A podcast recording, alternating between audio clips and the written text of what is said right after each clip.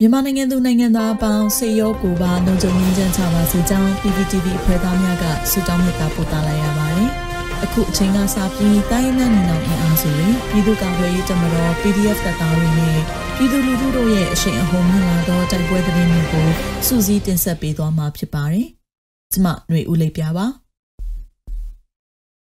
ပထမဆုံးအနေနဲ့ KNU တပ်မဟာ9နယ်မြေအတွင်းနှစ်ရက်အတွင်းတိုက်ပွဲများတွင်စစ်ကောင်စီမှတရင်မှုတက်ခွဲမှုများအပါအဝင်32ဦးသေဆုံး56ဦးဒဏ်ရာရတဲ့တဲ့ရင်ကိုတင်ဆက်မှာပါ။ကရင်မျိုးသားအစည်းအရုံး KNU တပ်မဟာ9နယ်မြေအတွင်းအကြမ်းဖက်စစ်ကောင်စီတပ် BGF ပူးပေါင်းတပ်များနဲ့ ကရင်မျိုးသားလွတ်မြောက်ရေးတပ်မတော် KNL ကြားနိုဝင်ဘာလ17ရက်နေ့12ရက်နေ့တိုက်ပွဲများတွင်စစ်ကောင်စီတပ်မှတရင်မှုတခွဲမှုများအပါအဝင်32ဦးသေဆုံးပြီး56ဦးဒဏ်ရာရကြောင်း KNU မူတရောသတင်းစင်မှထုတ်ပြန်ပါတယ်။နိုဝင်ဘာလ17ရက်တွင်အကြမ်းဖက်စစ်ကောင်စီတပ်စကခရှစ်လက်အောက်ခံခမာယာ406တပ်ဖွဲ့များသည်ဖပွန်ခရိုင်တွယ်လုံးမြို့နယ်မထောကျေးရွာအုပ်စုတောင်သုံးလုံးဒေသအတွင်းသို့ဝင်ရောက်လာပြီး KNL နှင့်တရက်အတွင်းတိုက်ပွဲကြီးပေါင်း9ကြိမ်ဖြစ်ပွားခဲ့ကြောင်းစစ်ကောင်စီတပ်မှ14ဦးသေဆုံးက22ဦးဒဏ်ရာရကြောင်းသိရှိရပါသည်။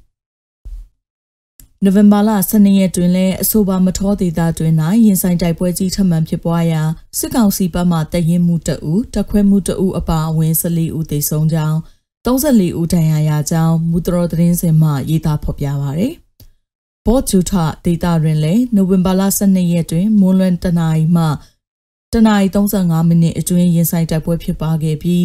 စစ်ကောင်စီတပ်မှ၄ဦးသေဆုံးကတဦးဒဏ်ရာရကြောင်းဘူးတုံမျိုးနဲ့ခေါ်ပုတ်ဒေသတွင်ရိတ်ခါတဲ့ယူပို့ဆောင်သည့်စစ်ကောင်စီတပ်အား KNL ကပြစ်ခတ်တိုက်ခိုက်ရာ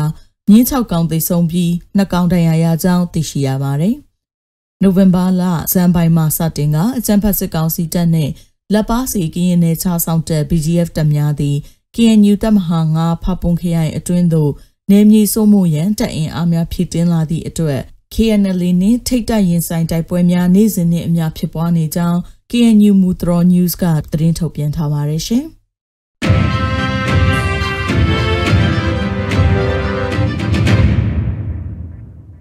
ဆက်လက်ပြီးနိုဝင်ဘာ15ရက်စကိုင်းတိုင်းတိုက်ပွဲသတင်းအကျဉ်းချုပ်ကိုတင်ဆက်မှာပါ။ ဝက်လက်ရင်းမတော်ချီရွာလန်းတမ်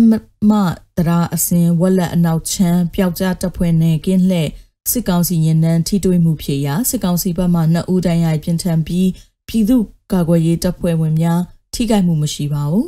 ။မင်းကင်းကြောက်ခဲတက်နဲ့တင်တော်ကြစကားစာစစ်ကြောင်းကိုမင်းကင်းမြေရိုးအောင် PDF အဖွဲ့မိုင်းဆွဲတိုက်ခိုက်ရာစစ်ကောင်စီဆယ်ဦးထပ်မံထိခိုက်ခဲ့ပြီး စစ်တပ်ကအပြစ်မဲ့ပြည်သူလေးဦးအားပြစ်တက်သွားပါတယ်။နောင်ကြီးအာရဲစခန်းတို့ဝင်လာသောစစ်ကောင်စီတပ်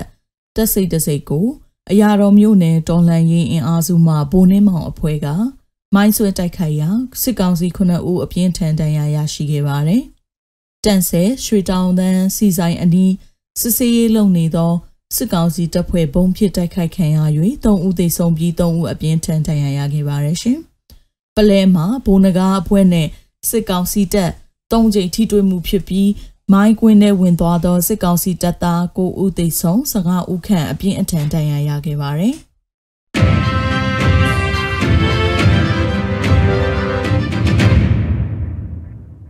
နောက်ဆုံးအနေနဲ့အမျိုးသားညီညွတ်ရေးအစိုးရပြည်ထရေးနဲ့လူဝင်မှုကြီးကြပ်ရေးဝန်ကြီးဌာနကနိုဝင်ဘာ15ရက်ရက်စွဲနဲ့ထုတ်ပြန်တဲ့ပြည်သူ့ခုခံတော်လှန်စစ်သတင်းအချက်အလက်တွေကိုတင်ဆက်ပေးသွားမှာပါ။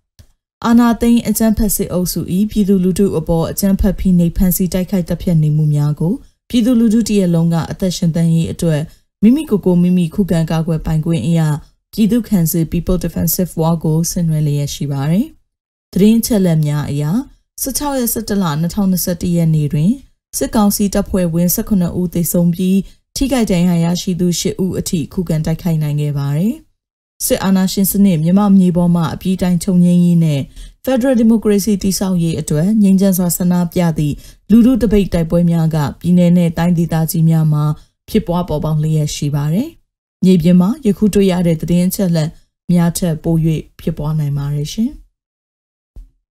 ရေတော်ဘုံအောင်ရမည်ရေတော်ဘုံအောင်ရမည်